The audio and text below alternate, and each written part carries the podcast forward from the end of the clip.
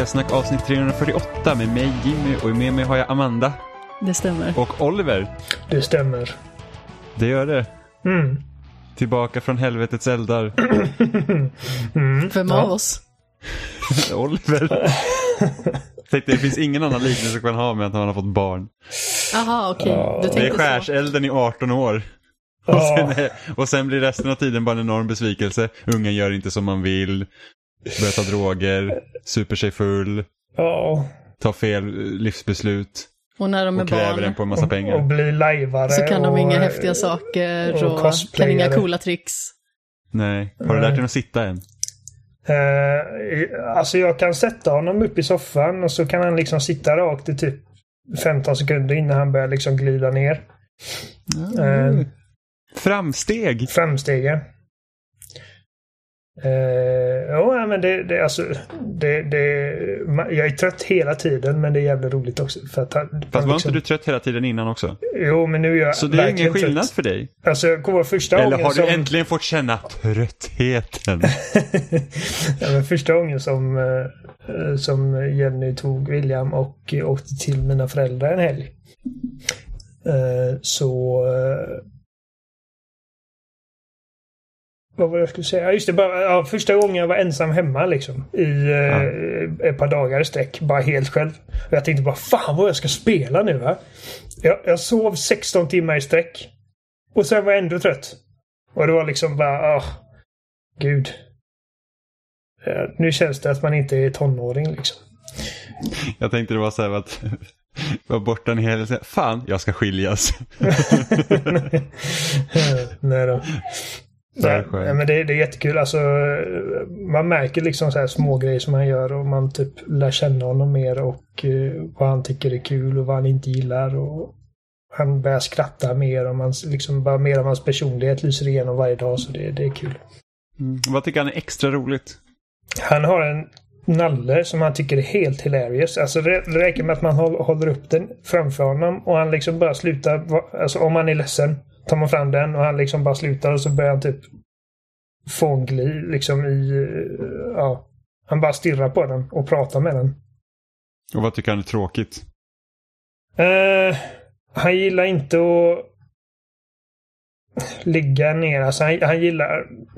Han gillar att sitta med oss. Sitta upp liksom. Ja. Så att eh, vi har liksom i soffan så har vi sån här liten, vad är det man kallar dem, babynest. Ja. Eh, som vi brukar lägga ner honom i för att han har ju liksom inga balans. Eh, och där, där, ifall han är vaken och liksom är aktiv så gillar han inte alls att ligga där, utan då vill han liksom sitta i någons knä eller typ, ja. Så, Han, han ja. klarar några spel än. Eh, livets spel har han eh, klarat sig hittills i, men inga tv-spel. Det var dåligt. Eh, Får, får köra retur på honom. Ja. Fyra han- månader och han har inte gjort Ninja Guiden än liksom. Nej, jag, jag, så Fan. jag, hade, jag hade förväntat mig mer av din unge Oliver. Ja. Ja, det är alltså... Det, det, det visar sig att äpplet faller faktiskt långt från trädet. Vilken Ja. sopa. Jag tänker ju att hans nya favoritspel borde ju bli Yoshi's Island. Yoshi's Island. Med tanke på att Yoshi bär väl runt på en skrikande Mario. Jaha, ja, ja. En Eh, bebis Mario. Jo, jag har faktiskt inte spelat det sedan han föddes. Så vi får se. Jag kanske kan starta och se ifall han reagerar på något sätt. Det blir eldprovet. Så, som när min, eh, min systerdotter fick en Switch i julklapp förra året. Och hon spelar inte på den. Nej, men som jag köpte en Switch till Jenny. Hon spelade inte på den heller. Ehm, Nej, de är likadana de två. ja. Nej. Eh, ja, nej, men eh, alltså jag... Det har inte alltid varit så att varje gång ni poddar så är det att han är helt hysterisk. Det är bara att jag har blivit jävligt bekväm också. Bara jävligt trött av mig. Och eftersom att jag har väldigt lite tid att spela nu. Så... Eh, det blir liksom mest på kvällen innan jag går och lägger mig. Så känns det som ofta som att ja, men jag har typ ingenting att säga om någonting längre. Men eh, här, nu har det gått några veckor så jag har faktiskt hunnit spela en del. Det var ganska länge sedan du var med också. Fick du tag i en PS5? Nej! Men du fick tag i en Xbox? Ja. Ja. Eh, alltså vad är det? Typ sex pers i hela Sverige som får en Playstation 5 på launch eller? det, det, sjukaste, jag tror att det är webbhallen som har fått väldigt mycket mindre konsoler än vad de hade räknat med. För att jag Ja. tror att det spekuleras om att du hade behövt boka i april 2019 för att Mm. få en. Vilket är liksom helt sjukt. Helt galet. Men det är ju också så att de har förmodligen inte fått många konsoler alls. Nej. Jag tror att webbhallen har fått betydligt mindre PS5 än vad de fick PS4. Och sen har ju de det systemet att man kan ju liksom boka långt innan. Jo, jo, men Eh, alltså eh. ändå. Liksom jag bokade en PS4 några månader innan den släppte och fick på launch. Och nu bokade jag över ett halvår innan och fick, fick ingen. Jag kommer ihåg att jag bokade min PS4 den dagen som eh, de hade, alltså, där de faktiskt visade upp maskinen första gången. Mm. Eh, och jag fick på launch. Eh, Mm. Och jag tror att det var samma med, med PS5. Var det inte att de liksom faktiskt började prata om den mer... Jag kommer inte ihåg. Det var i mars i alla fall som jag bokade. Ja, men jag tror att eh, jag, jag bokade först när, de fick, när man hade fått liksom se konsolen tror jag. Bokade jag en PS5. Men det var ju fan inte så länge sedan. Det var väl i juni man Det fick se kanske var den. i juni. För, att Ja. tänka, för att jag vet, jag brukar ha koll på det där så jag vet inte. De visade ju... De Det var visade Xboxen, Ju, det var Xboxen jag bokade precis när de hade visat upp den. Så Mm. var det. för att de visade ju den kontrollen först till PS5. Mm. Och, eh, och DualSense och hela den skiten. Och, Ja, för jag har för mig Ja. att den konsolen visade väl, visade väl de upp i samband med att de visade upp jättemycket spel. Alltså Ja. typ Horizon Forbidden West och Ja, just Ratchet Just. Clank Ja, det, det var i juni. man här liksom CGI-grafiken med typ alla bubblor och skit. Eh, Men det har förmodligen gått att boka PS5 betydligt tidigare än Xboxen just för att alla antar att den kommer heta Playstation 5. Så webbarna har haft den liksom uppe längre. För Xbox Series X, den gick ju upp precis efter Video Game Awards när de hade visat den. Mm. Man fick veta vad den heter. Så det är väl den skillnaden. Nej, men så att vi hade, alltså man hade väl haft en bättre chans om de faktiskt hade hållit sig liksom som eh, många andra retailers gör. Att de faktiskt öppnar upp förhandsbokningarna den dagen som de faktiskt börjar ta förhandsbokningar. Mm. Jag stör mig inte så mycket att de har på det så långt. Alltså man får ju veta om det när man går in och bokar liksom. Nej, jag stör mig inte på det heller. Så alltså, jag tycker det är rätt bekvämt att kunna gå in lite när som Ja, istället för att liksom säga klockan 10 en vardag så ska man liksom vara redo. Och så går internet sönder. Mm, men precis. Ja, vi tänkte ju, vi, vi skulle ju se om vi kan eh, gå till typ en Elgiganten på launchdagen och se om vi kan knipa en PS5 ifall de har reserverat eh, maskiner till liksom, butiken. Som inte Ja. alla är förbokningsbara då. Men ja. Jag ställer Jimmy vid Elgiganten när jag åker till jobbet på morgonen så får han stå där tills de öppnar. Jag var ju på Elgiganten där när de öppnade upp förhandsbokningarna för eh, Xbox. ja. Eh, Men jag tror inte att det kommer vara något problem att få tag i en Xbox på launch här. Snarare Nej, tvärtom, tror att de inte. kastar på en. Eh, och så, så jag var där liksom en halvtimme innan de öppnade. Jag tänkte det Ja. kanske är liksom ett par pers. Det var, det var inte en käft där. Uh, jo, det var en, jag och en kille till. Ja. Och vi gick in i goda ro och så haffade vi första bästa säljare. Så jag bara, "Ja, jag skulle vilja boka en Xbox med den här typ All Access. Och de hade ingen aning om vad det var för någonting. De hade aldrig hört talas om All Access. Så himla märkligt. Så jag fick liksom, jag fick utbilda den. Alltså det kom tre säljare. Som började Ja. fråga mig grejer om vad det här var för någonting. Jag bara, fan. Det är Skojar jättekonstigt med tanke på att Elgiganten är liksom den enda Ja. man kan köpa den liksom grejen på. I hela är- Sverige. Jag sa det, ni Ja. är den enda liksom kedjan i hela Sverige som har rätt att ge den här liksom dealen. Och Ja. de bara, ja. Då fick de gå till sina datorer och googla skiten. Det var... Ja. Nej, Ja, jag men- vet ju inte hur Xboxen ser ut för oss. Eh, för eftersom webbhallarna inte skickar ut några mejl alls som man kommer få en. Så att jag antar att efterfrågan på Xboxen är inte lika stor. Nej, alltså jag har fortfarande kvar min bokning på webbhallen så att... Uh, um, den avbokar jag först när jag vet att det inte är någon annan som vill ha den. Mm. Men ja. se.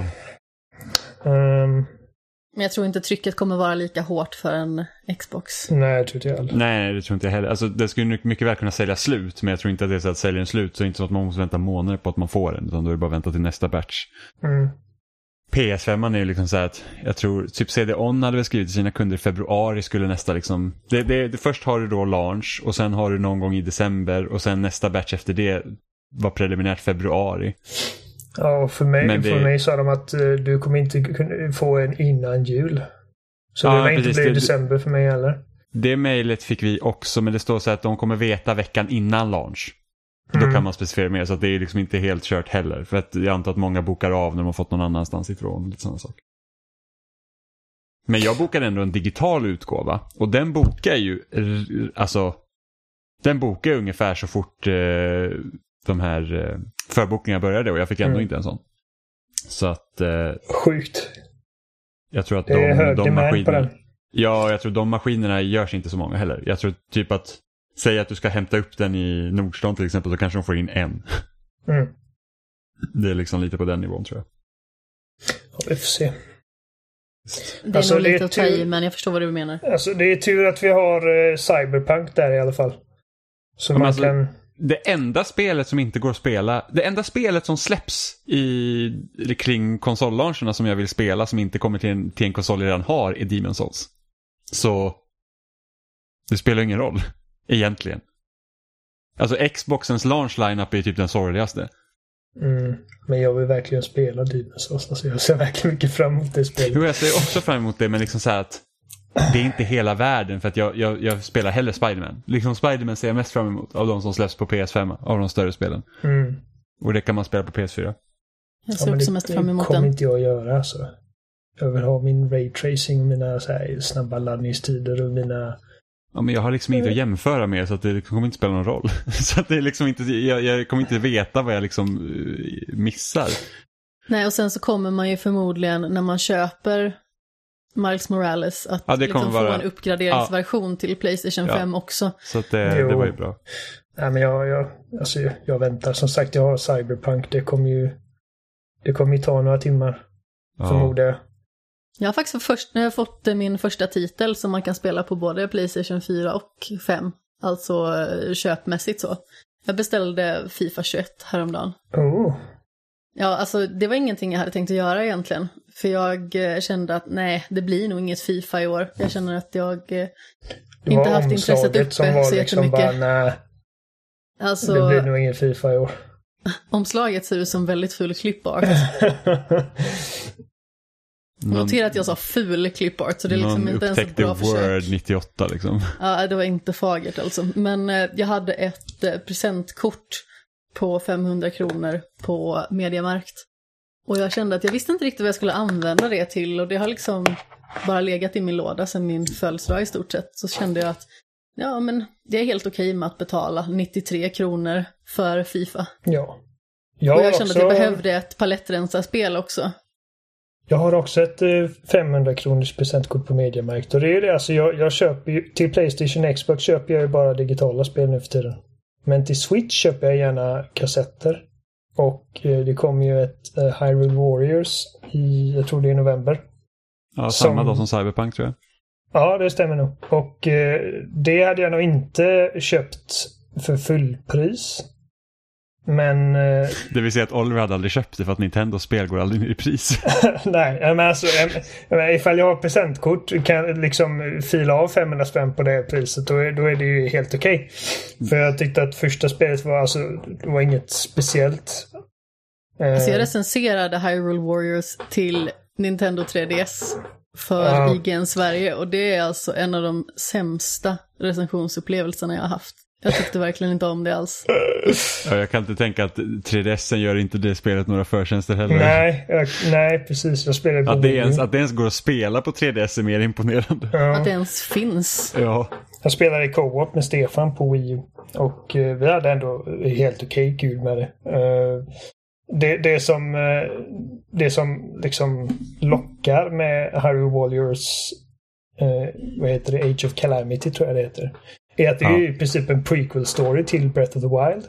För medan eh, det första Hyrule Warriors det var ju liksom typ en separat grej. Det var ju liksom typ fanservice the game. Där man bara hade liksom varenda karaktär du kan tänka dig från hela Zelda-sagan som, som slåss mot liksom massa bokoblins. Och eh, detta är liksom, som jag förstår det, liksom kanon i den världen. Och jag förmodar att, att, att, det kommer sluta med att de får stryk. Liksom att, att eh, Ganon vinner i slutändan. Så det, det är jag lite nyfiken på. Mm. Men fattar det att man typ bara slicer igenom typ hundratusentals fiender i det spelet och sen så möter en bokobbling som Link så bara ah, hjälp! ja, det blir lite så här disconnect. Uh, för att det är det som är grejen med alla de här Alltså Dynasty Warriors-spelen är liksom att det är du mot liksom bokstavligen tusen fiender. Och uh, jag skaffade ju Fire Emblem-versionen just bara för att det är Fire Emblem och inte ens det var roligt liksom. Nej, jag tilltalas inte heller liksom riktigt av den typen av spel. Liksom, där man bara... Jag tänkte bara, åh jag får slåss som mina favorit Fire Emblem-karaktärer och så får jag liksom använda mitt svärd på riktigt och inte bara köra taktiskt rollspelande. Mm. Men det föll mig inte alls i smaken. Det var så himla sömnigt och det var liksom bara en repris nästan. Det, det Bara det att det inte var lika nisch. fult som 3D-spelet. Men ja, alltså. Ska vi se, sen senast jag har varit med. Dels har jag äntligen tagit alla achievements i Devil May Cry 5. Det tog typ ett och ett halvt år. Och alltså hundratals omspelningar av alla de här banorna. För, för att det sista chimet jag tog var att man skulle typ S-ranka alla uppdrag på alla svårighetsgrader. Och det tog sin tid. Och eh, det var liksom förra året eh, så kände jag att jag kommer nog aldrig klara detta. Liksom, alltså jag, jag älskar Devil May Cry men nu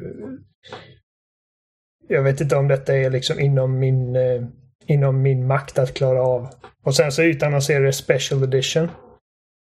Och jag kände, ah, jag måste klara den här skiten innan jag skaffar Special Edition. Så jag, så jag satte mig ner och liksom verkligen nötade och verkligen, verkligen, verkligen alltså gav allt jag kunde. Och till slut så gick det. Så nu har jag alla achievements i det. Vilket, alltså, det är förmodligen en av mina absolut stoltaste så här, typ gamer cred eh, achievements. Någonsin faktiskt.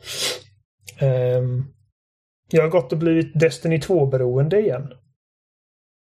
Game Pass? Uh, ja, alltså det roliga är att Adam har ju typ tjötat på mig. För varje gång det har släppts en expansion så har han tjötat på mig att vi ska spela tillsammans. Så jag, efter att vi körde, alltså vi med, med Raiden och allting. Du, jag, Robin, ja, för, Emma, Kajsa och Martin. Vad var det? 2017?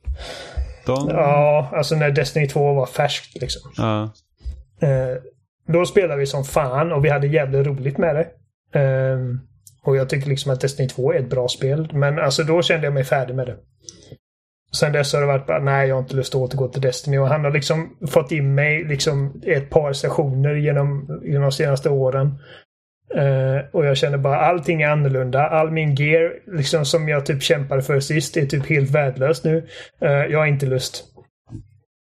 Men uh, jag vet inte, det kom bara en punkt för att till slut så sa han okej okay, men alltså vi, vi byter över till Xbox. Så kan vi spela med elitkontrollen. För att det kan man, man kan ta alla sina, sina karaktärer och byta format. Uh, så nu kör jag på Xbox och... Uh, kan du föra tillbaka dem till PS4 om du vill? Eller är det, är det en liksom gång du bara kan köra över? Jag vet Så typ GTA 5? Nej. Uh, borde kolla upp det. Det vore rätt nice om man kunde det. För att jag är fortfarande liksom eh, nästan alla jag, eller inte nästan, alla jag har spelat Destiny med uh, har ju varit på P PS4. Uh, ehm, men jag bara kände liksom att på, på Xbox, det är liksom min shooter-konsol och om det hade varit upp till mig när Destiny 2 släpptes första gången så hade jag köpt det på Xbox då. Uh, men ja, nu blev det inte så. Så, så, så vi... Och, och Adam sa att men Destiny grundspelet är liksom det är free to play nu i princip.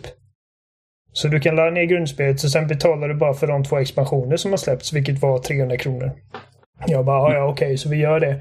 Och sen typ två veckor efter det så går det fram att de här expansionerna blir med Game Pass. ja, det var det jag tänkte. De skulle bli gratis. ja, ja, det blev de. Då hade vi redan betalat för dem. Uh, men skitsamma. alltså vi spelade ett par gånger och bara nej, det här är bara traggligt liksom. Vi försökte ta oss igenom de här kampanjerna liksom lite taget och sen så. Men sen någon gång så klickade det liksom och jag typ började få bra grejer igen. Och jag började liksom komma in i alla de här nya jävla uppgraderings och belöningssystemen de har fått in. Och nu har jag spelat liksom Destiny i alla fall ett par timmar varenda dag i typ tre veckor.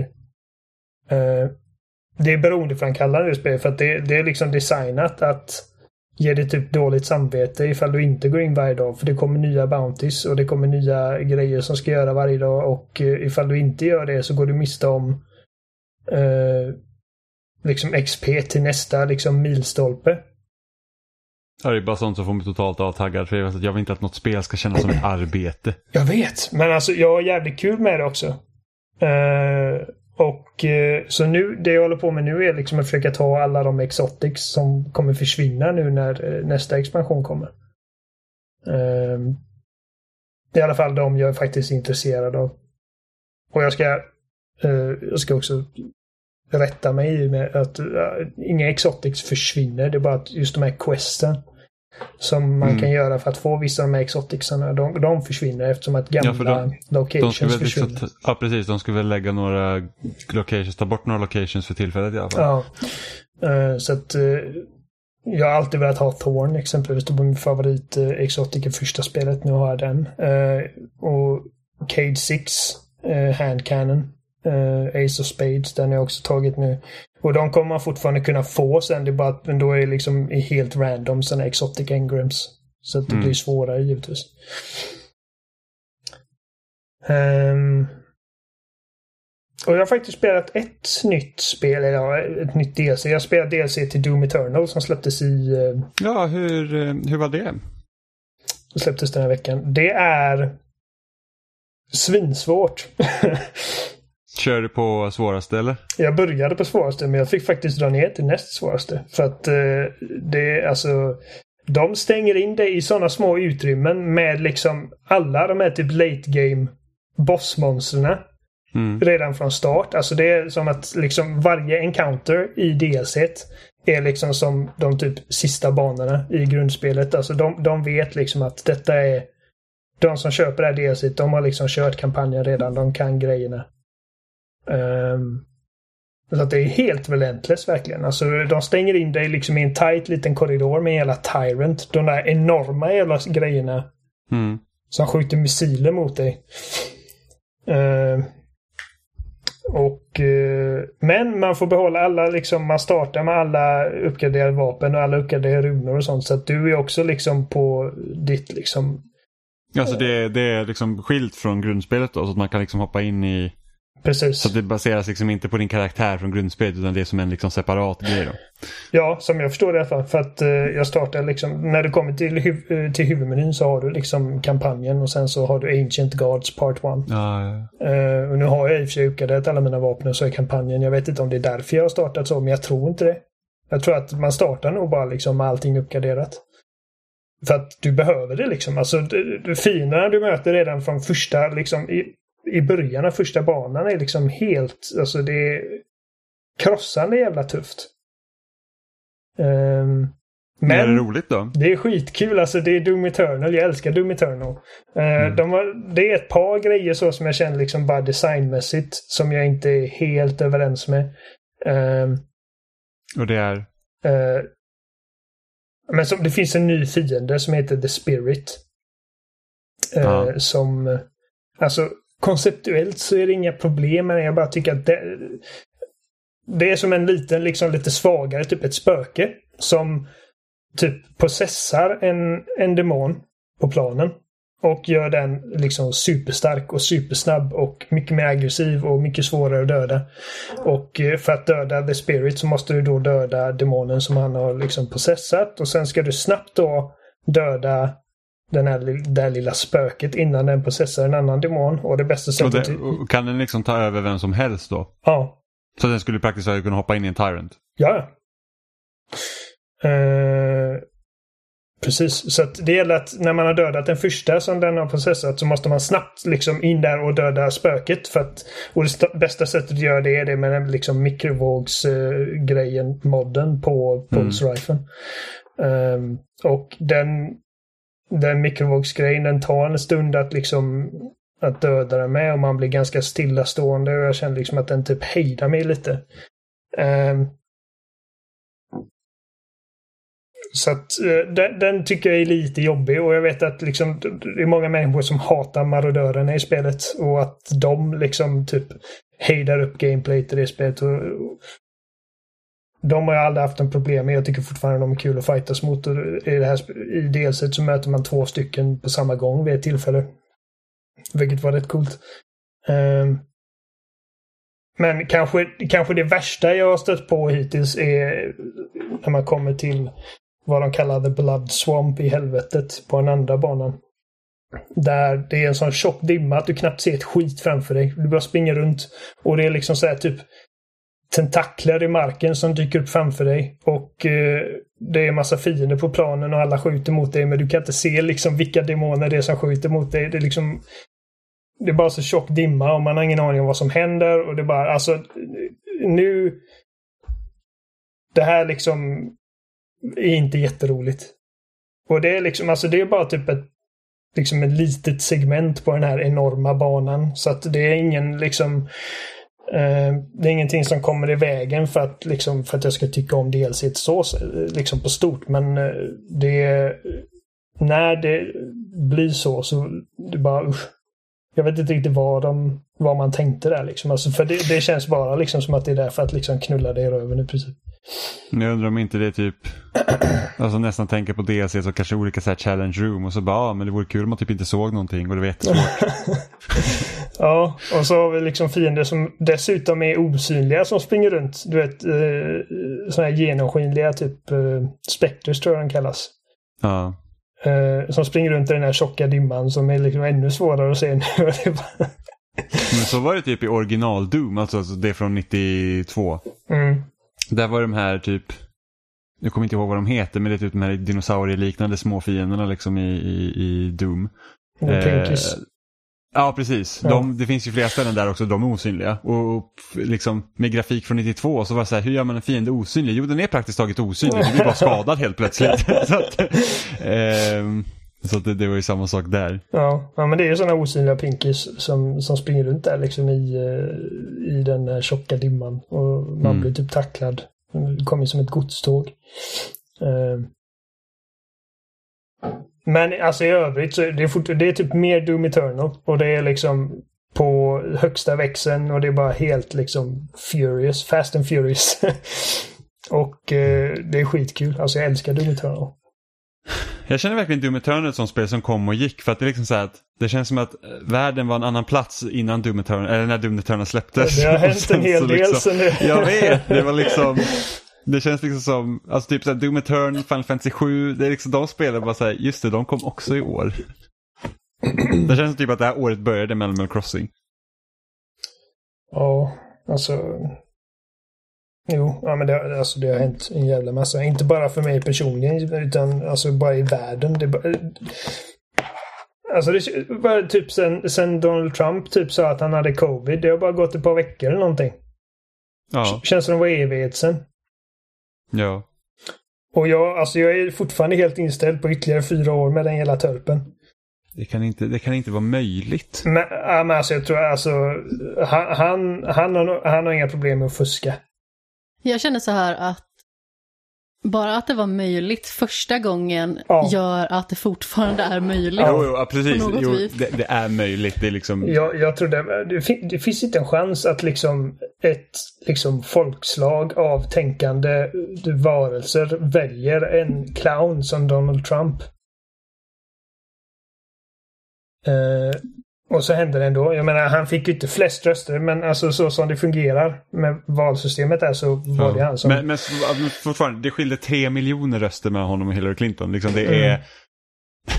Det är, liksom, det är en ansenlig mängd människor som har röstat på honom. Och mm. som fortfarande supportar honom. Ja, ja, ja precis. Och, det är liksom inte bara hans familj som har röstat på honom typ. Och, Nej. och det är liksom ändå typ även liksom i mitt Twitterflöde ser jag liksom varenda dag folk som typ försvarar honom med näbbar och klor. Trots att liksom ja. jag följer inte några jävla alt-right-troll, men det är ändå, de dyker upp liksom. Ja, de dyker upp så fort de har här high alert någonstans i Ja. sin källare. Där det är så fort någon twittrar något dåligt om Ja, Donald för Trump att så liksom bara, oh my god. Ja, precis. Varje- inte bara när man twittrar något dåligt om Donald Trump, utan när någon twittrar något bra om Biden. Ja. Så kommer fram med sina jävla Moria-hålor. Eh, och, och liksom, och så bara sätter eld på allting. Och jag bara, alltså dessa människor existerar. Ja. Ja men alltså jag tog bort tre stycken människor från, från min face, alltså som jag varit vän med på Facebook som stöttade Donald Trump. Alltså svenskar.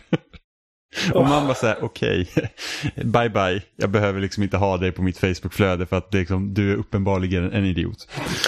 Ja, det, det är helt ofattbart. Och liksom bara med tanke på all skit den snubben har gjort och all skit han inte lyckats göra. Och... Alltså, bara, Vilken varje gång lögnhals han är, liksom. munnen, Ja. Varje gång han öppnar Ja, de hade väl munnen typ liksom. räknat ut att han har ljugit, alltså han har ljugit så mycket att det är liksom typ, det är ofattbart liksom. Ja men det är det som är grejen. Jag är ju ingen liksom så här konspirationsteoretiker. Eh, jag är inte så här... Alltså jag är ingen sån här foliehattsnubbe. Jag tänker liksom, nej jag, jag litar på det mesta. Jag har aldrig haft några problem med liksom att Kinect lyssnar på oss. Eh, men alltså när han sa att han hade covid, jag bara nej. Nej. Detta är liksom, någon, han ljuger. Alltså för att... Ja men exakt min init- initiala tanke också, liksom att det är bara en PR-kupp. Ja, För att han ska liksom- kunna säga att det inte är farligt. Ja. Eh, jag har det bästa immunsystemet, eh, du behöver inte vara rädd för covid-19. Nej men alltså det har dött ganska så bra bit över en miljon människor. Men absolut, ni behöver nog inte vara oroliga allihop. Och alltså nu har det kommit fram att det var ju liksom massa i Vita huset som också blev det så. Om inte de också fejkar så ah, okej, han kanske fick det. jag Ja, vet men, inte. ja, men men, som fortfarande har, det verkar ju vara, alltså runt hela vicepresidentstaben just nu så går det ju runt. ja. Så att eh, okej, han kanske fick covid. Men det är liksom, alltså jag tror inte ett skit på vad han säger. Och bara liksom sättet han pratar, alltså. Alltså hans fatta- retorik gör mig ja, förbannad. Ja, men inte bara liksom retoriken. Sätt, han, han, kan ju knappt bilda fullständiga meningar, Kahn. Alltså, han, han låter du- ju som jävla idiot. Såg du första debatten de hade nu? Jag, jag såg inte, jag såg highlights liksom. Mm, Jag såg hela, alltså det var så här, att- alltså jag kände mig typ dum i huvudet för att det, är liksom Ja. att det, det går ju liksom inte. Nej, det var något av det mest plågsamma jag någonsin Det var liksom bara kollat. så att det, det, liksom, det här är ingen debatt, det är liksom bara massa ljud. Eh, det Ah. som ger mig lite hopp är, jag såg att någon har skri, skri, skrivit på Twitter att liksom young people are showing up. Eh, för att var 2016 inför, ja, inför Hillary och eh, Trump-valet så var det i, bara i Florida var det 44 000 unga människor mellan 18 och 29 som röstade. Och i år så är det 257 000 unga människor. Mm. Eh, North Carolina 25 000 för fyra år sedan. 204 000 i år. Mm. Eh, Michigan 7 000 2016. Och 2020 145 000. Så att alltså... Förhoppningsvis. Och det är liksom... Så har de fått lite eld i röven och insett att vi måste kanske göra någonting nu. Ja. Och jag vet liksom de här Trump-idioterna som, ja, de älskar liksom peka ut allting som är fel med Biden och jag bara alltså, äh, kolla här. Jag skiter i ifall, ifall den människan var knarklangare i sin ungdom. Alltså Just nu, jag, jag, tar, jag tar en fucking schimpans framför Trump. Ja, alltså schimpansen kan ju kanske i alla fall göra konster. Ja. Jag tänker jonglera med lite bananer och Jag sånt. Ja, precis. Dansa lite. Nej, Ja, det nej, är det är alltså... det- Bara tanken på fyra år till med honom gör mig helt ut... Och jag bor inte ens i USA. Nej, men det, det är det värsta också att eh, det som händer i USA påverkar världen så mycket som möjligt och det är så många människor som inte har någonting att säga till om när Nej. det kommer till det. Det är det som är så men det sorgligt. är alltså, jag menar, jag, jag sitter här och typ tycker det är helt fruktansvärt. Jag bara kan tänka mig vilken jävla rännsketa, liksom vettiga människor som faktiskt bor i USA har haft i fyra år. Över detta. Liksom alltså, vilken jävla ångest bara, alltså... Åh! hur kan detta ha hänt?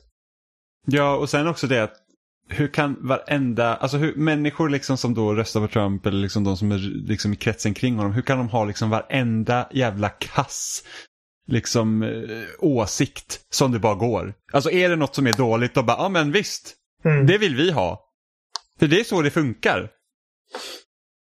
Alltså jag, Det, jag det är fruktansvärt. tänker ofta på, alltså, tänker ofta på Trump och liksom att, att det är helt ofattbart hur liksom hur det finns människor som kan stå och titta på honom och tycka att liksom det där är en människa som jag tycker liksom ska ska hålla koll på, på den här liksom nuclear-knappen.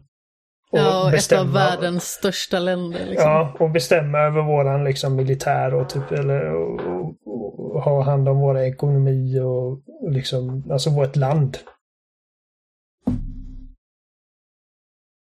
Jag Ja. älskar det. Jag kommer inte ihåg vad det han heter, men det är, det är någon form av typ reporter, komiker. Jag vet inte, han, han jobbar väl för någon... Är det typ Trevor Noah? Kanske? På The Daily Show. Man går runt och liksom, man dyker upp på sådana här Trump-rallys och intervjuar folk.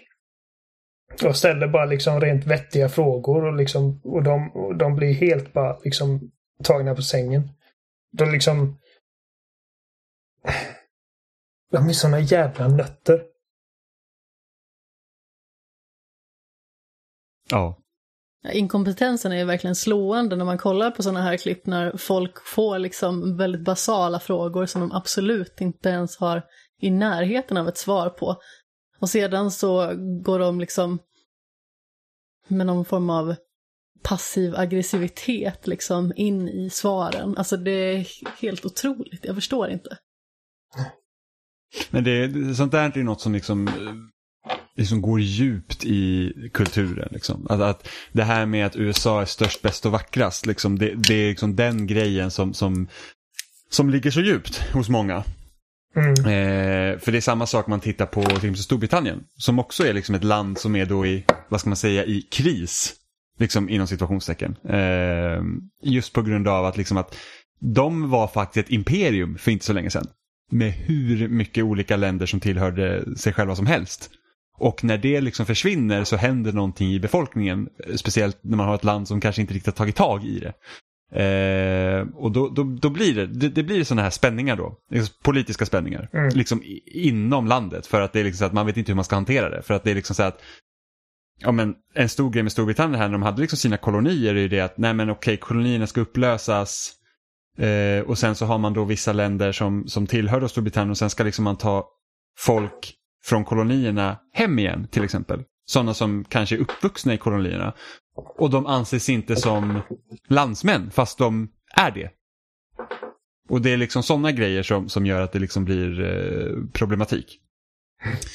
För att det blir väldigt mycket vi och dem och, och sådana grejer fast det egentligen inte borde vara det. Mm. För att det är inte vi och dem, för att alla hör till samma land. Men eftersom då man har då ett, ett imperium som har behandlat dem olika, trots att de inte borde vara det, så blir det så. Och med USA är det verkligen så att de har, det är väldigt mycket vi och dem liksom bara i, inom själva landet också. Det har liksom hela den här, om vi tar, tar Black Lives Matter till exempel. Så liksom att, ja men, det är liksom ä, även liksom tal som man, om, om man analyserar tal som Obama har gett så är det liksom, det finns ett vi och dem där också. Eh, liksom till exempel med, eh, jag vet att när det hade varit någon eh, attack, eller om det var typ växande islamist inom typ moskéer någonstans i USA och så var det liksom så att ah, men det här är liksom ett det här är ett deras problem, trots att det är amerikanska medborgare. Mm. Och då är det ju inte ett deras problem, det är ett vårt problem som vi måste lösa för att vi är alla samma. Eh, och det är liksom så, sån, sån retorik gör ju att det spär på. För att liksom, om, om, om man bara är landsmän när det är liksom bekvämt och lull-lull, och men så fort det blir problem då är det liksom, nej men nu är det deras problem. Trots att de är amerikaner. Då, då blir det liksom, då blir det ju fel. Mm. Helt enkelt. Eh, så massa sådana saker.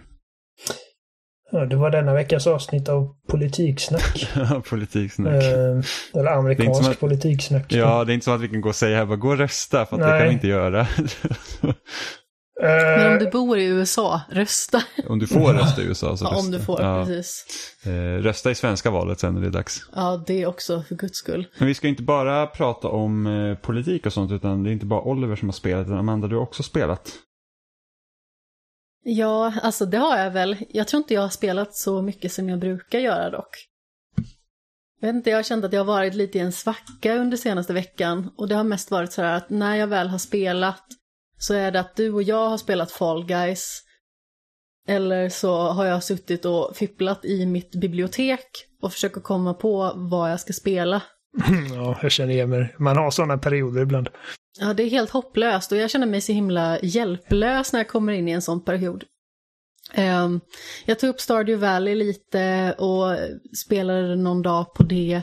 Sen kände jag att nej, men det här var nog inte vad jag behövde just nu. Så bläddrade jag igenom biblioteket en gång till. Jimmy gav förslag om att jag skulle spela God of War ungefär 20 gånger. Och jag sa, ja men det ska jag. Och sen så ignorerade jag det. Har du inte Ändå. spelat det? Nej, jag har ju inte gjort det än. Nej, du borde spela God of War. Jag vet, jag vet att jag verkligen borde göra det, men jag känner att jag vill verkligen att tidpunkten ska vara rätt när jag tar mig an det.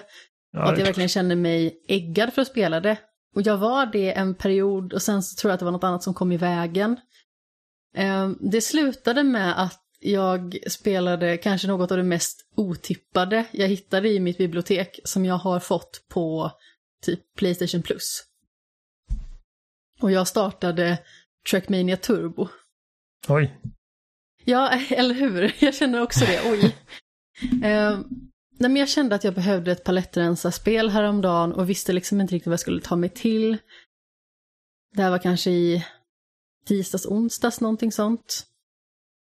Bara liksom någonting som inte riktigt kräver så himla mycket hjärnkapacitet utan snarare liksom mer närvaro och eh, puls.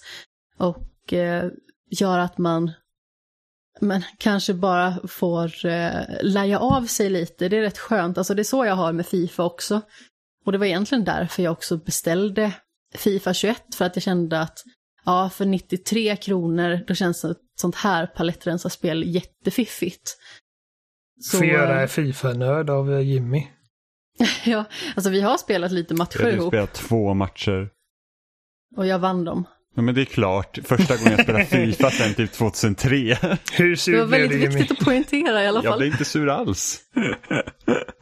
Men jag Nej, vet, du, du är den mest inte. tävlingsinriktade människan jag känner. Ja, nu känner du också Amanda. Alltså någon tittar snett på henne i Fall Guys som man tror att hela lägenheten ska explodera. Nej. Det är faktiskt inte jättesant, men jag har en viss tävlingsådra. Det är ju... Sluta höj på i ögonbrynen Jimmy. En viss tävlingsådra. Ja, men alltså, jag har tävlat i roligaste är att- 18 år. Det liksom. roligaste är att Amanda och min syster ska kunna dra liksom jämnt strå där i att bli liksom förbannade när det går fel. Fast jag kastar inte saker i Nej, det gör huvudet på dig. inte. Hon har slagit mig. Det har jag inte alls. Hon har hon har inte piskat mig än. Det här stämmer Hon inte. har slagit mig. Det här domestic abuse. Jag invänder. Till och med katterna har fått känna på några saker. Nej, det har de inte alls. Vad är det här för skitsnack? Jag har inte slagit någon, jag har inte gjort någon illa. Det enda som har farit illa är typ mitt psyke, för jag blir så himla trött av att bli förbannad. Och min före detta knäskål. Va?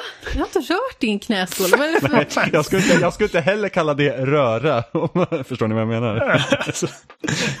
Alltså, Jimmy snackar så himla mycket skit. Det är så här, har jag berättat en historia och så berättar Jimmy exakt samma historia. Ja, så vet man att igår- hans är typ toppad till 400% min berättelse plus massa så här valbara lögner. Ja, men igår slängde hon handkontrollen på mig för att jag inte la mig i matchen när jag vann. Nej, det hände inte alls. Det gjorde du visst, du slängde PS4-kontrollen i min famn. Jag slängde inte allt den i din famn. Det gjorde du visst. På mig. Du Nej. typ lobbar den så att den landar i knät på någon kanske. Ja, jag har ett stort PS4 DualShock, vad heter det, avtryck nu i sidan på magen. Det är faktiskt ganska så roligt när du säger det. För att eh, en gång i klassrummet när jag gick typ i fyran eller någonting så var det en som kastade ett suddgummi i magen på mig. Jag hade en stor fyrkant precis där som jag träffat typ i tre dagar. Ett suddgummi. En stor röd fyrkant hade Ja, jag på det, magen. det är ganska roligt för att jag slängde upp ett så här fyrkantigt suddgummi upp i takfläkten som slungades iväg och så hör man så här bara landade rätt i nacken på en av mina klasskamrater. Han var inte så glad efter Nacken gick av. Praktiskt. Mhm. Nej men hur som haver. Du hade spelat Turbo. Trackmania Turbo ja. Ja, det har jag. Ska se när Amanda kör vägen. Nej, Vulkanutbrott. Hon är säkert Men- bättre, det här stämmer bättre ju. På förare än vad Vesuvius att ser vänligt ut. Alltså grejen är att innan vi hade spelat Fall Guys ihop så hade Jimmy typ inte sett det här temperamentet hos mig överhuvudtaget. jag minns nog vad kusterna fick höra i Gears of War. Just det. så att jag har nog varit med. Kanske var i Gears of War det började. Fast det var inte så illa. Och vi har spelat Smash tillsammans. Ja, fast då har det inte Då, varit då har det faktiskt varit ganska lugn igen. Ja, nej men alltså grejen är att det här senaste året så har jag liksom märkt att Jimmys vinnarinstinkt triggar igång min vin- vinnarinstinkt Så också. jag skulden. Nej, nej, alltså jag menar inte att beskylla dig, utan jag bara menar att min triggas igång för att du är som tävlingsmänniska också. Eh, och jag har under ganska så många år nu kunnat hålla tillbaka lite och inte bli upprörd när jag förlorar, eller så att jag blir inte upprörd på riktigt. Det går över ganska så fort om jag ska vara helt ärlig.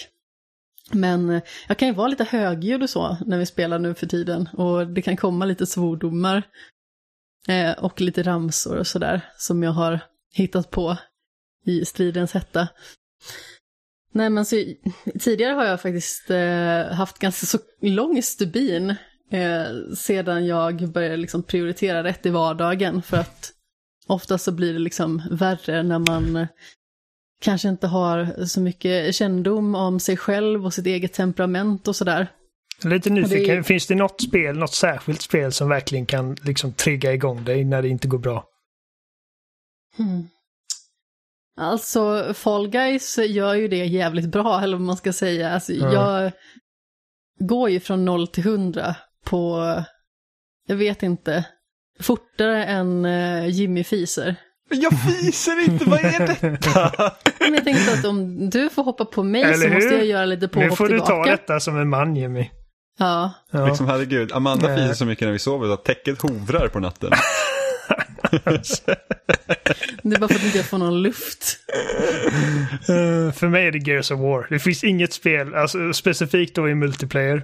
Det finns inget spel som gör mig så alltså, superarg som när någon kommer liksom wallbouncandes och typ poppar en headshot på mig från typ 300 meter med en jävla shotgun. ja, men det är bara för att alltså, Gears är så slafsigt. Alltså det är så här, du dör inte, du förintas. ja, du blir slarvsylta liksom. Ja.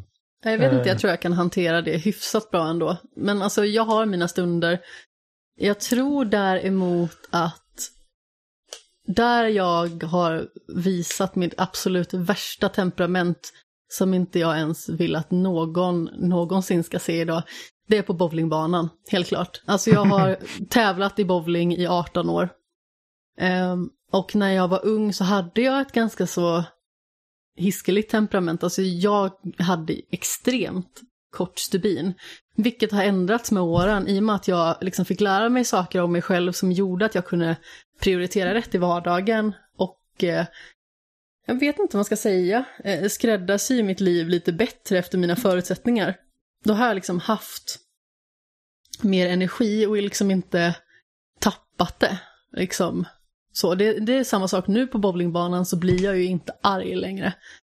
Eh, utan visst, man kan bli lite uppgiven, men jag vet att jag tävlar ju liksom inte på samma nivå som jag gjorde för typ tio år sedan när jag vann SM till exempel. Ehm, och det kommer väl kanske med någon form av mognad också antar jag. Men Ja. eh, jag, jag tror att jag håller mig nog ganska så bra utanför hemmets väggar, eller vad man ska säga. Då, då är det inte så mycket fu- fula ord, utan det är mest så här påhittade svordomar och sånt. Men bowlingbanan är nog där det är absolut värst, eller har varit. Alltså jag vet att det är både en och annan vägg och klotretur som har fått sig en fot rakt i sidan. Alltså jag har, eh, när man spelar bowling och kanske börjar få lite bättre och dyrare material, då har man skor som man kan byta sula på. Just bara för att vissa underlag kan vara lite halare att glida på, vissa är lite strävare, så måste man kunna justera sig så att man liksom inte blir låst. Eh, och man kan även ha någonting som eh, kallas skoborste. Ja, det finns säkert i allmänna termer också, liksom sådär. men det, det är en skoborste med metallpiggar på. Den har jag alltså tagit och drämt den in i armen, så jag hade liksom en, ett stort fyrkantigt avtryck med massa små blodprickar på. För att jag blev så arg, jag bara drämde den in i armen en gång. Eller det, det har hänt flera gånger, jag har drämt den i benet också någon gång. Jag körde en penna in i handen också en gång.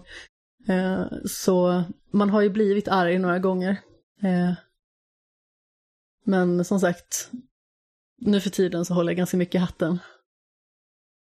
Om jag ska vara helt ärlig. Men Trackmania Turbo blir jag inte så himla arg på. Det är mest skönt att bara laja runt. Alltså, jag spelar solokampanjen.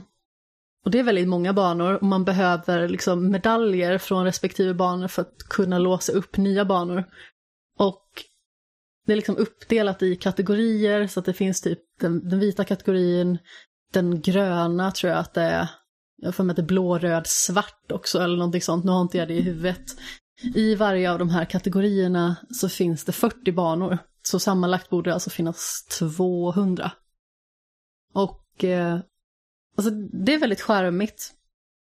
Det finns eh, som sagt eh, block om 10 banor. Så då är det till exempel om vi säger att vi har den gröna kategorin då. Eh, då finns det fyra uppdelade kategorier. Det finns eh, kanjoner, laguner, stadion och så vidare.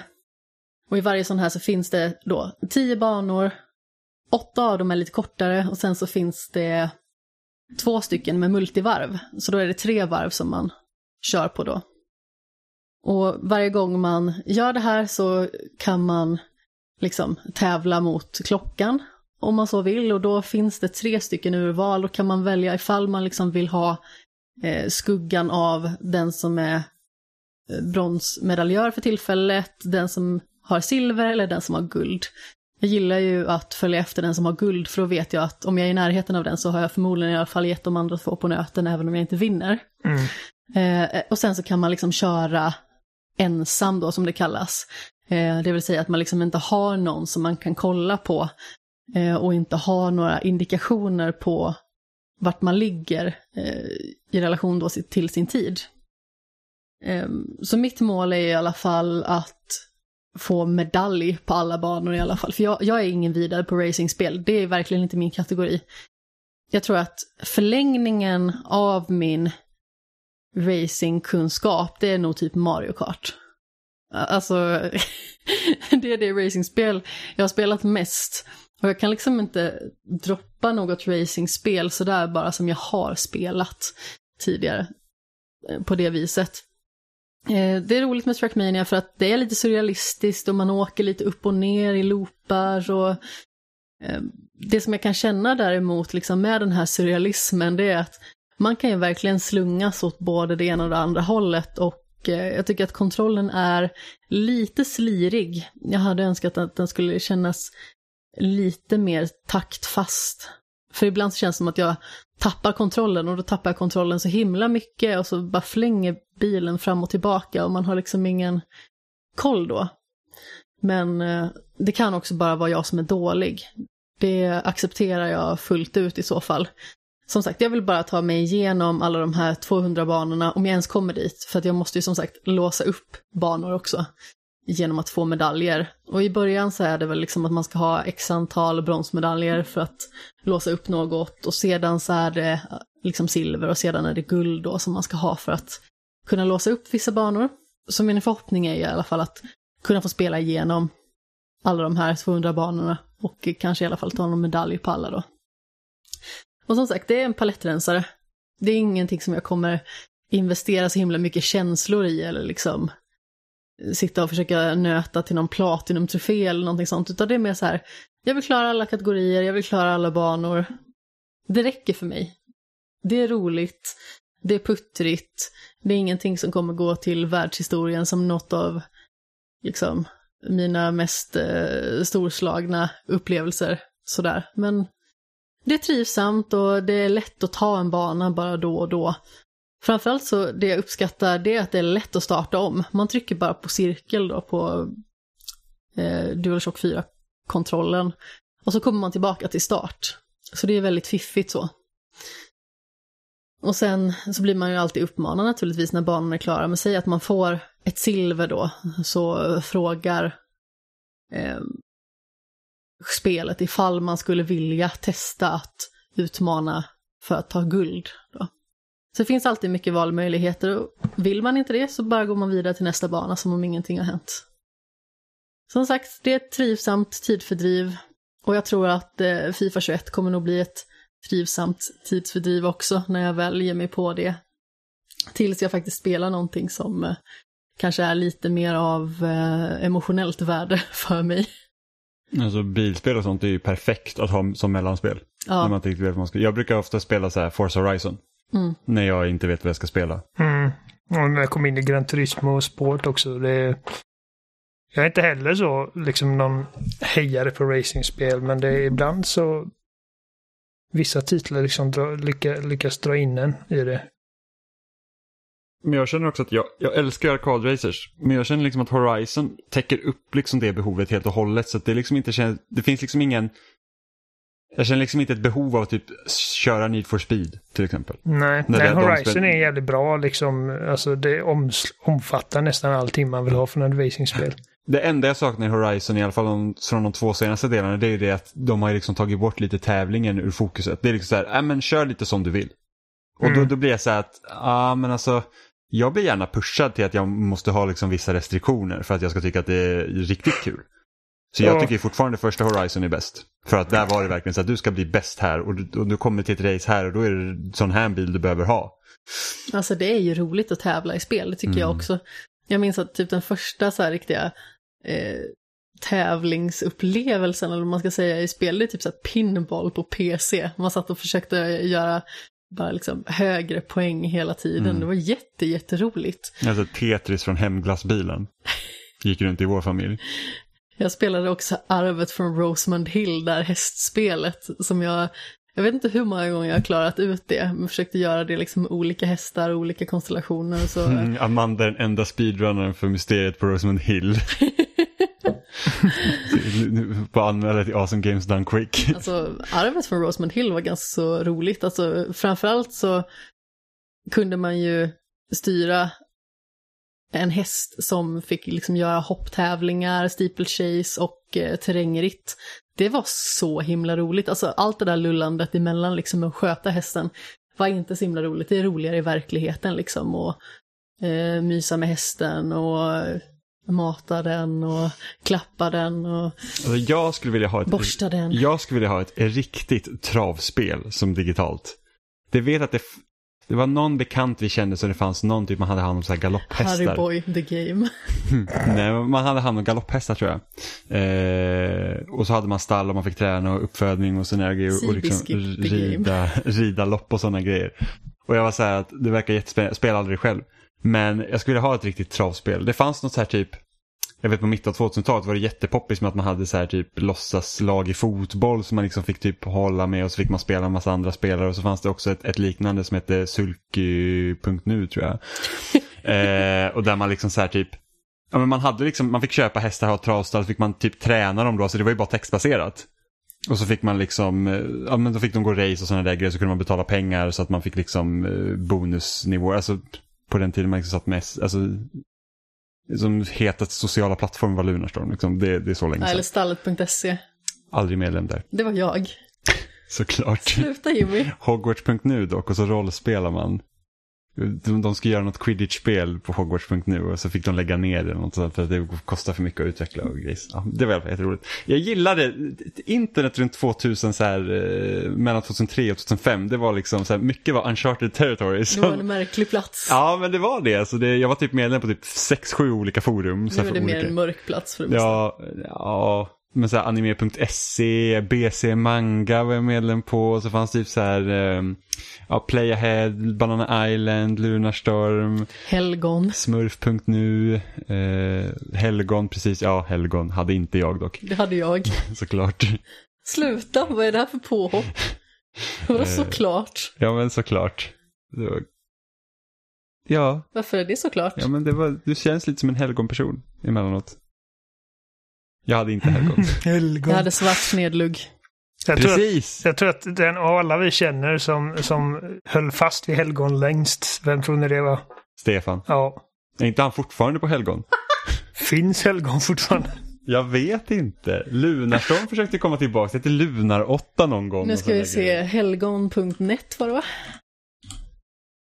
Kanske någon så här, kommer vi till någon så här... Nej. Elgon Community söker jag på nu. Tycker fortfarande det mest intressanta så här. Helgon.se. Jo, det finns då. Eller? Jo, jo, det finns. Och det ser exakt likadant ut som för typ 15 år sedan. Jag ska se. Lunarstorm då. Det här är bra podd.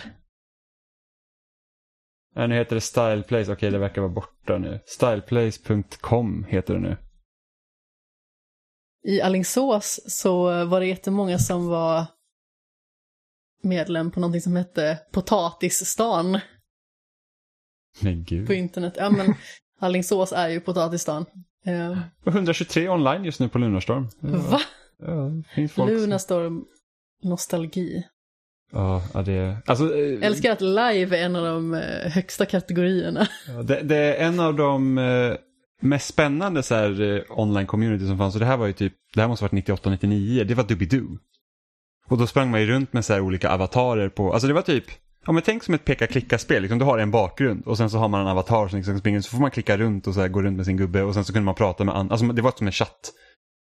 Så chattade man och så hade man sitt egen liksom, lägenhet så kunde man fylla den med olika så här, sponsrade föremål, så man kunde typ ha festis liksom, och sådana saker. Det var det, det var liksom ett experiment, så jag antar att det är något universitet eller något som startade. Eh, någon så kommunikation eller något sånt. Och så fick, kunde man kommunicera liksom med varandra och sen så kunde, kunde man ju såklart ladda upp egna avatarer så man kunde se mycket coolare ut än, än, än de som fanns som standard. Men det, när man är, vad var jag, 98, 7, 8 år liksom. Eh, då visste man inte hur man gjorde det, så man var så åh, där går de coola liksom. Andra avatarer. Så det var ganska Ja, spännande. jag minns att den här tidningen Okej hade ju en hemsida liksom med ett forum och där var jag också medlem. Mm. Jag har också spelat spel. Eh, jag spelar Greedfall. Och, och det är ett, eh, man ska säga att det är ett rollspel i samma anda som när Bioware är som bäst. Liksom att det är, Och som brunast. ja, men tänk dig typ, ja men upplägget på Mass Effect eller första Dragon Age till exempel. Fast det, det är liksom inte i ett sci-fi miljö utan det är vad ska man säga, det är typ eh, en form, ja, det, det är typ fantasy, men liksom som baseras på egentligen så 1800-talets England. I princip. Väldigt så här viktoriansk stil. Eh, och det är inte jättebra.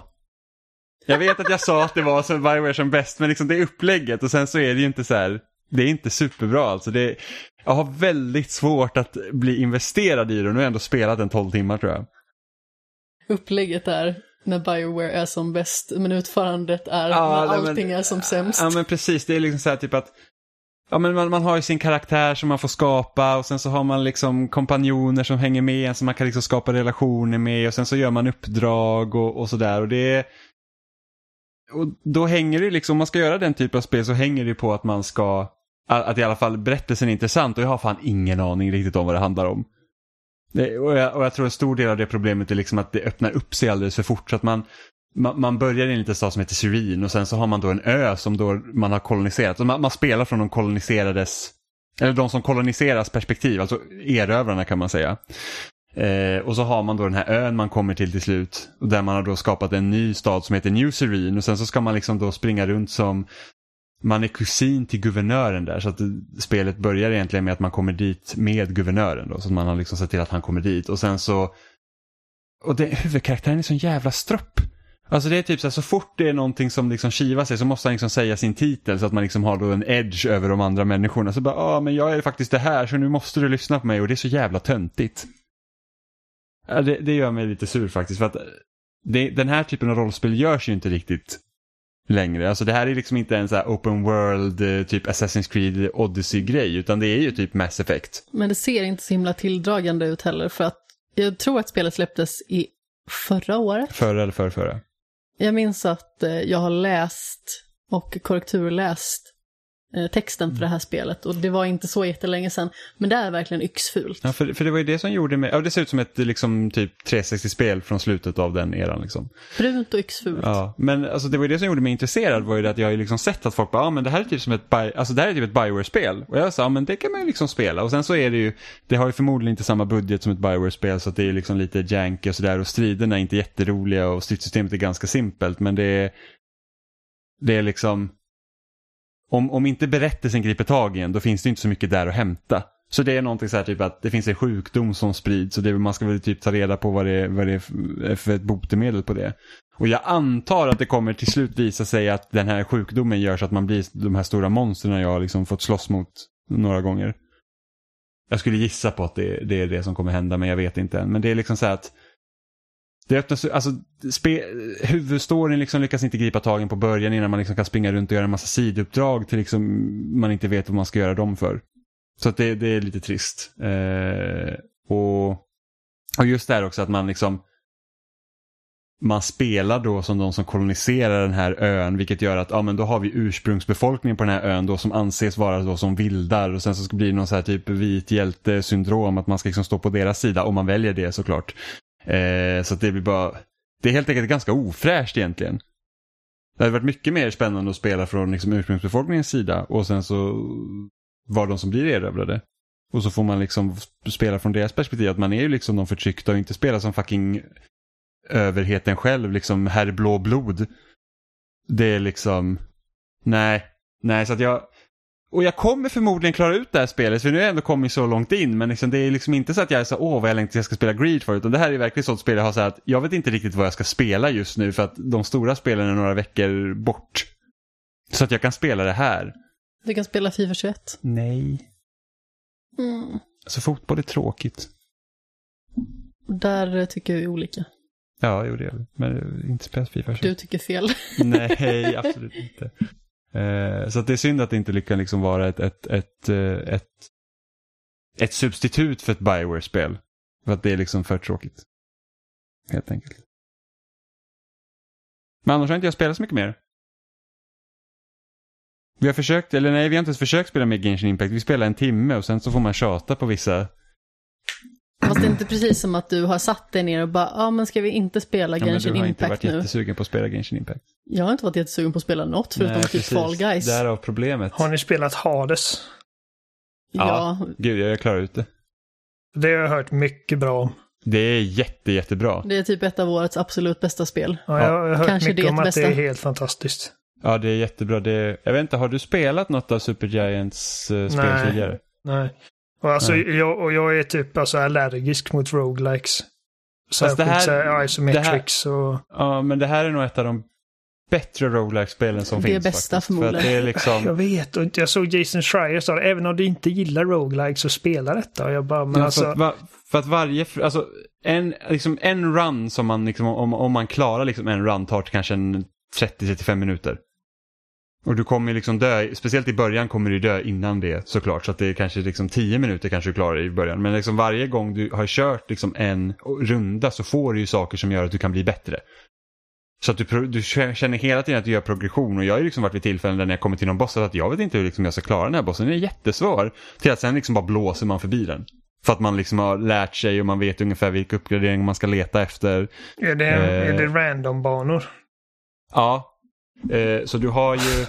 Det, det, det finns tre områden i spelet. Eh, och, och det slumpgenereras fram. Men det, det som är så speciellt här också är att när du, när du liksom är klar i ett rum så att säga och ska välja nu, så finns det oftast där två olika vägar att välja på. Och då kan det vara så att för att du får uppgraderingar av olika gudar så att säga. Och de, alla gudar har ju liksom en egen symbol. Så då kan du liksom välja att, ja ah, men jag vet den här, eh, den här symbolen är Afrodite och Afrodite har de här grejerna och då, vill jag, då kan jag köra mot den liksom bilden. Så då kan man välja hennes väg till exempel. Eller så kanske det är Sus väg du väljer istället. Så att det, det är väldigt mycket så att man alla uppgraderingar som finns i spelet gör så att du måste lära dig också spela olika. Det är så mycket man måste lära sig att hantera. Liksom att säga att okej, men nu har jag de här grejerna så då måste jag fokusera på, på det här för att bli så stark som jag bara kan bli. I princip. Eh, så vilket gör att det är väldigt liksom mångfacetterat. Jag bara har hört så fantastiskt mycket bra om det, men liksom bara på pappret så kryssar i typ alla boxar för allting jag inte gillar. Jag vet typ, Ja. Emma sa det, alltså du måste spela Dead Cells, det är så jävla bra så jag tog hem det på Game Pass och jag bara... Alltså jag spelade i typ 20 minuter innan jag typ dog av tristess. Ja, nej, det här, är- det här är mycket bättre än Dead Cells. Så det är alltså allt, all, alltså jag gillar inte random genererade banor. Jag tycker inte det är kul alls. Jag, jag, alltså, jag, jag, jag vill ha liksom en bana som är typ, alltså med blod, svett och tårar liksom perfected för att vara liksom en skitbra bana. Inte bara liksom ett gäng random jävla dörrar och, som inte leder någon vart. Och... Ja men eh, det här är inte riktigt så för att man får nästan tänka sig att varje rum här är som ett challenge room med fiender. Så att det, det, det, går inte ut så mycket på att du ska liksom springa runt i det här rummet och lösa liksom några större problem. Utan det är så att här har du ett rum, här kommer fiender och för att du är ute efter uppgraderingen som finns i rummet. Så du ska döda fienden så du kan få uppgradering så att du kan komma vidare och bli starkare så att du kan liksom spöa Hades. Mm. Och sen så eftersom det är ett Supergiant-spel också så har de ju de har ju liksom eh, vävt in ett narrativ som funkar för en roguelike.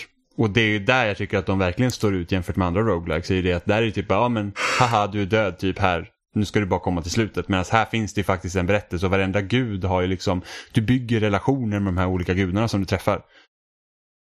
Och får lära dig mer liksom. Så att det, det är typ så första bossen man möter. Alltså du träffar liksom, när, när, du dör och kommer tillbaka liksom till ditt hem så träffar du typ henne i baren där och, typ, och så snackar ni med sinsemellan. Liksom hon bara typ, ah, jag, typ, jag är ledsen för att jag dödade dig eller något sånt där. Hon bara, haha, jag slog dig igen och bla bla. Liksom sådana grejer. Så att det, det, det, det har ju en väldigt så här, egen nisch inom området. Mm. Ifall det kommer på Game Pass eller blir rea någon gång så kan jag väl typ plocka upp det. Men... Mm. Ja, det, det är jättebra verkligen. Det är inte dyrt heller på Switch. Alltså det kostar 260 kronor tror jag. Ja. Helt nytt. Och eh, jag är inte heller en person som är så jättefäst vid roguelikes. Alltså det jag verkligen har fastnat för har just varit Dead Cells. Men eh, Hades är sju resor bättre. Alltså jag, jag skulle kunna säga att det, om det inte är årets bästa spel så är det absolut ett av årets bästa spel. Enligt min mening. Vi eh, dedikerade slutet av eh, förra avsnittet i skämshögen till att prata jättemycket varmt om Heidis Hades också när vi hade Niklas Intorn från Svamperiket på besök. Så ifall man vill höra mer om Hades så kan man lyssna på det.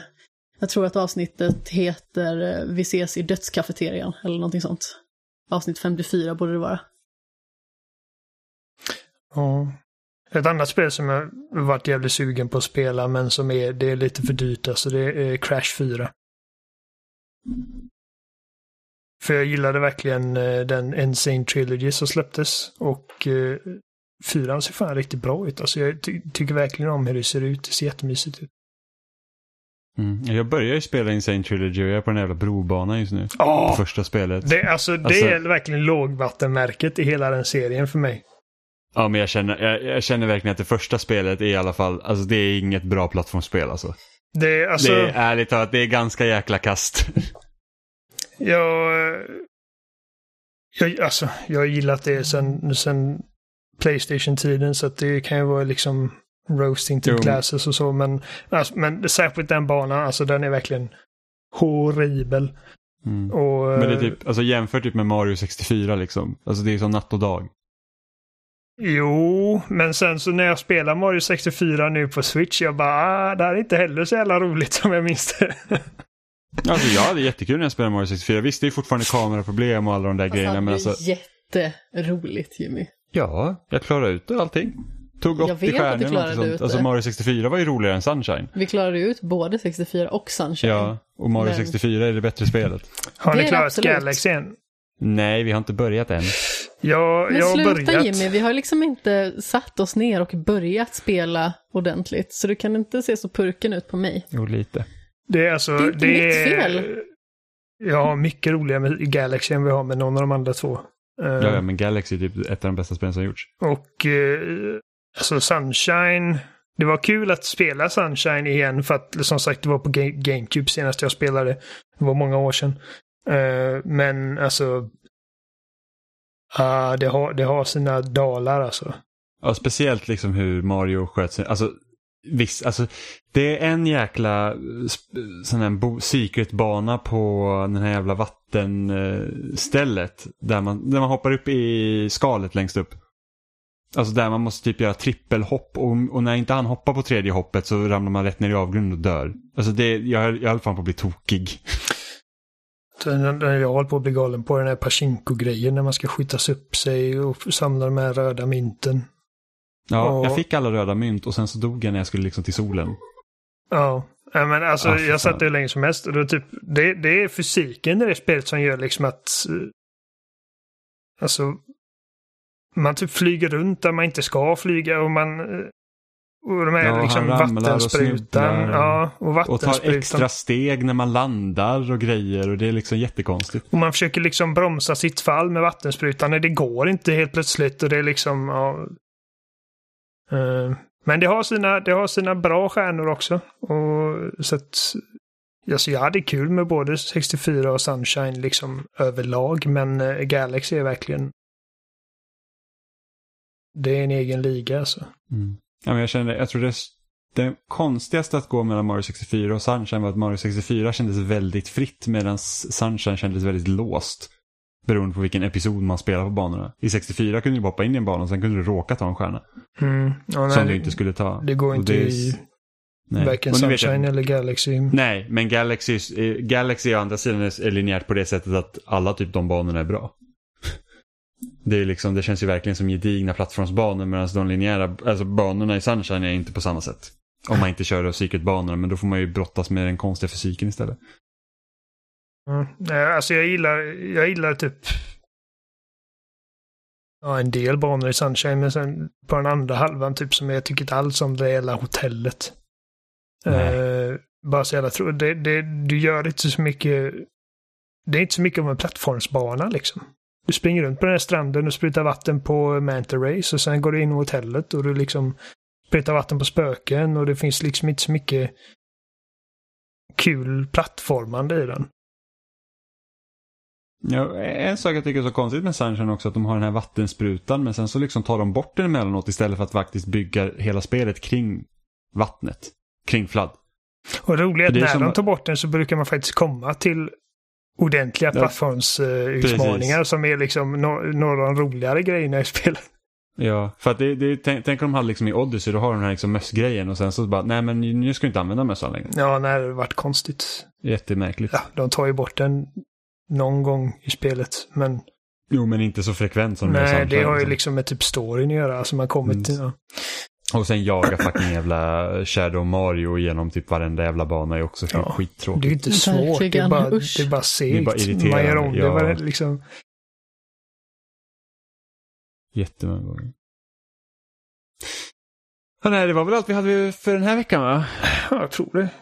Mm. Ni hittar oss som vanligt på spelsnack.com. Där finns också länkar till alla ställen vi finns som Twitter, YouTube, Instagram, Facebook. Vi läggs även upp på loading.se varje vecka. Eh, ni kan mejla in till oss på kontakt.spelsnack.com eller byta ut kontakt mot några av våra förnamn spelsnack.com om ni vill ställa någon fråga eller om ni vill eh, ge kritik eller vad som helst. Ge förslag på ämnen vi kan diskutera.